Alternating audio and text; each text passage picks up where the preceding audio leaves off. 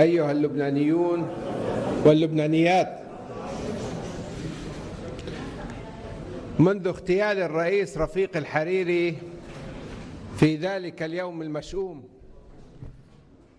På torsdag i forrige uke annonserte parlamentsmedlem og leder for Sunniblokken i Libanon, Asad Hariri, sin støtte til leder for den største kristne politiske blokken, general Michel Aoun. Aoun støttes også av andre store spillere som Hezbollah og sin egen kristenmaronittiske bevegelse.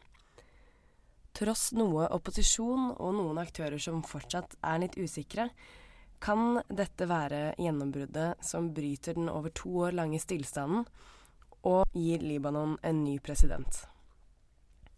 Det hersker imidlertid en del kontroverser rundt valget av Aoun som president og Hariris støtte til ham. Men hvis støtten fra én mektig politiker var det som skulle til for å velge president, hvorfor har det tatt så lang tid?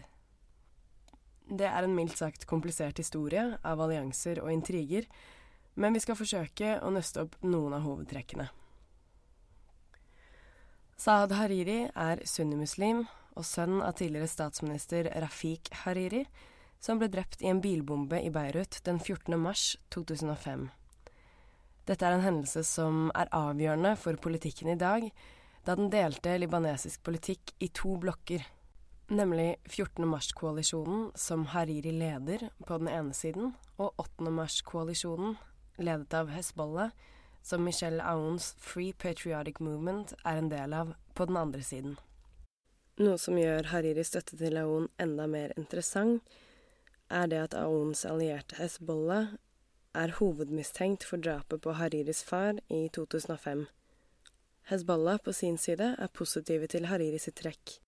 I sin TV-tale på søndag bekreftet generalsekretær Hassan Nasrallah at partiet fortsatt støtter Aoun for president, og mente nå at døren står åpen for et vellykket presidentvalg.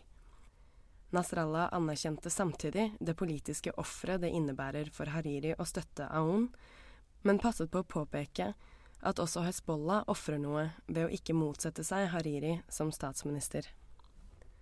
Mot at Aoun får presidentposten, blir Hariri nemlig igjen statsminister, han har tilbrakt mesteparten av tiden siden han måtte gi fra seg posten i 2009 utenlands.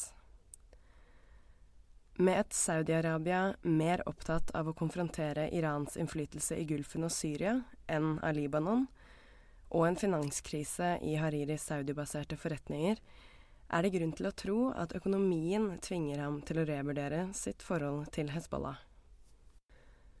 Mye tyder på at Hariris støtte til Aoun er et symptom på et skifte i saudi-arabisk utenrikspolitikk, som allerede har holdt tilbake tre milliarder dollar i støtte til den libanesiske hæren etter manglende libanesisk fordømmelse av angrepene på saudi-arabiske diplomater i Iran i fjor. Hariri har prøvd med andre kandidater tidligere, men Hezbollah har hele tiden vært interessert i Aoun som president, som har den bredeste oppslutningen blant de kristne i landet. Det ser altså ut til at Libanon vil ha en president ved navn Michel Aoun om få dager. Det er imidlertid mange store problemer som står i kø for den nye presidenten, som f.eks. vannmangel i de store byene og i det siste en forverret søppelkrise. Ettersom at presidentens makt er noe begrenset, avhenger de gode løsningene av enighet mellom mange rivaliserende parter. Politisk vakuum har blitt en intern spøk blant libanesere som fortsatt ler av det faktum at det tok kortere tid for Brasil å velge en president. Men selv med en president er det ikke sikkert at ting vil bli så veldig mye bedre, da det politiske etablissementet i landet stort sett består av politiske personer fra borgerkrigen, nå iført dresser, akkurat som tidligere general Michel Aoun.